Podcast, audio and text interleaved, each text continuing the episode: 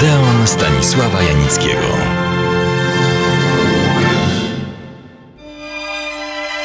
W swej opowieści o wspaniałej aktorce brytyjskiej Julie Christie zatrzymałem się w pewnym bardzo ważnym dla niej momencie. Tym momentem był film McCabe i pani Miller. Film szokujący, jak na tamte czasy oczywiście. Był rok 1971, który pociągnął za sobą, ale najpierw krótko o tym filmie. Akcja, powiem zaraz, niezwykła, toczy się na dzikim zachodzie, w małym miasteczku, zresztą większych tam wtedy nie było. Trwa okres pionierski, co oznacza, że wszystkie chwyty są dozwolone, czasami tylko karane i każdemu wszystko może się zdarzyć. Główny bohater, ów tytułowy McCabe, to człowiek, którego interesują wyłącznie pieniądze, więc robi wszystko, co dozwolone, a częściej to, co niedozwolone, żeby je zdobyć. Rozwija, jakbyśmy dziś powiedzieli, urozmaiconą działalność biznesową. Rozszerza pole swego przedsiębiorczego działania nawet o dom publiczny, wszak potrzebny w takich okolicznościach. Szefową tego przybytku zostaje siła fachowa, pani Miller, wielka zwolenniczka narkotyku pod tytułem opium.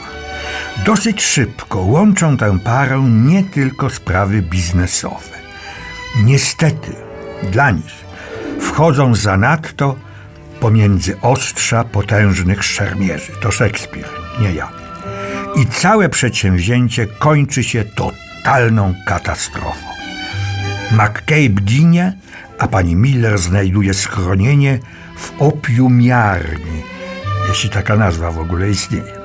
Film McCabe i pani Miller reżyserował mistrz Robert Altman, a parę głównych tytułowych bohaterów odtwarzali Julie Christie i Warren Beatty. To ten film zapoczątkował ich wielką miłość. Byli ze sobą siedem lat. Nie tylko byli, ale i często grali razem, więc widzowie, zawsze ciekawi życia prywatnego swych ulubieńców, mieli okazję oglądać ich razem na ekranie, bo w rzeczywistości, no, nie zawsze się to udaje. Warren Beatty, świetny, bardzo wszechstronny aktor, także reżyser, scenarzysta i producent, znany był w świecie filmowym jako równie typowy, co niezwykły łamacz niewieścich serc. Lista jego zdobyczy jest nieskończona.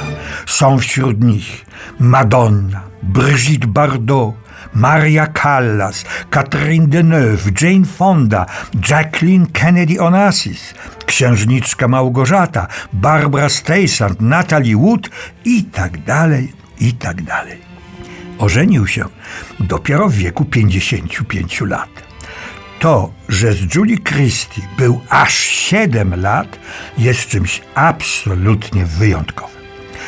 Warren Beatty nie palił się wtedy specjalnie do małżeństwa, a Julie Christie nie chciała mieć dzieci. A tak w ogóle to uważała, że mężczyźni są nieodpowiedzialni.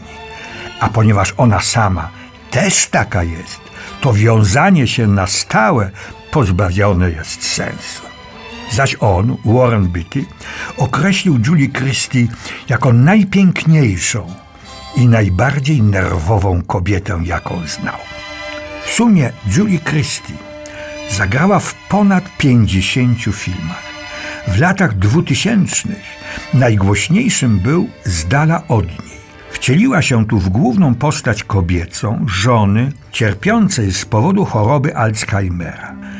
Długo się zastanawiała, czy tę rolę przyjąć. Otrzymała za nią wprost niezliczoną ilość nagród i wyróżnień przyznawanych jej przez dostojnych jurorów, rozliczne organizacje oraz widzów.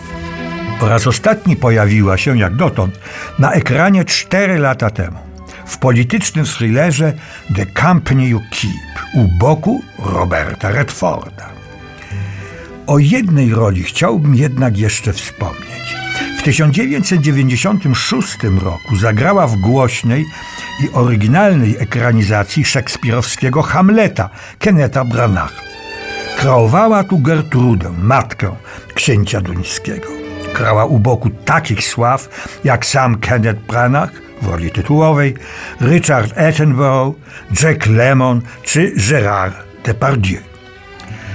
Życie osobiste Julie Christie toczyło się bez nadzwyczajnych wydarzeń. Wszyscy wiedzieli, że Julie Christie związana jest od 1979 roku z Duncanem Campbellem, dziennikarzem poczytnego i cenionego dziennika The Guardian. Aż tu nagle prasa doniosła triumfalnie, że para ta oficjalnie się pobrała przed dwoma miesiącami. I to gdzie? W Indiach. No, prawdziwie gest symboliczno-sentymentalny. Wszak Julie Christie w Indiach się urodziła.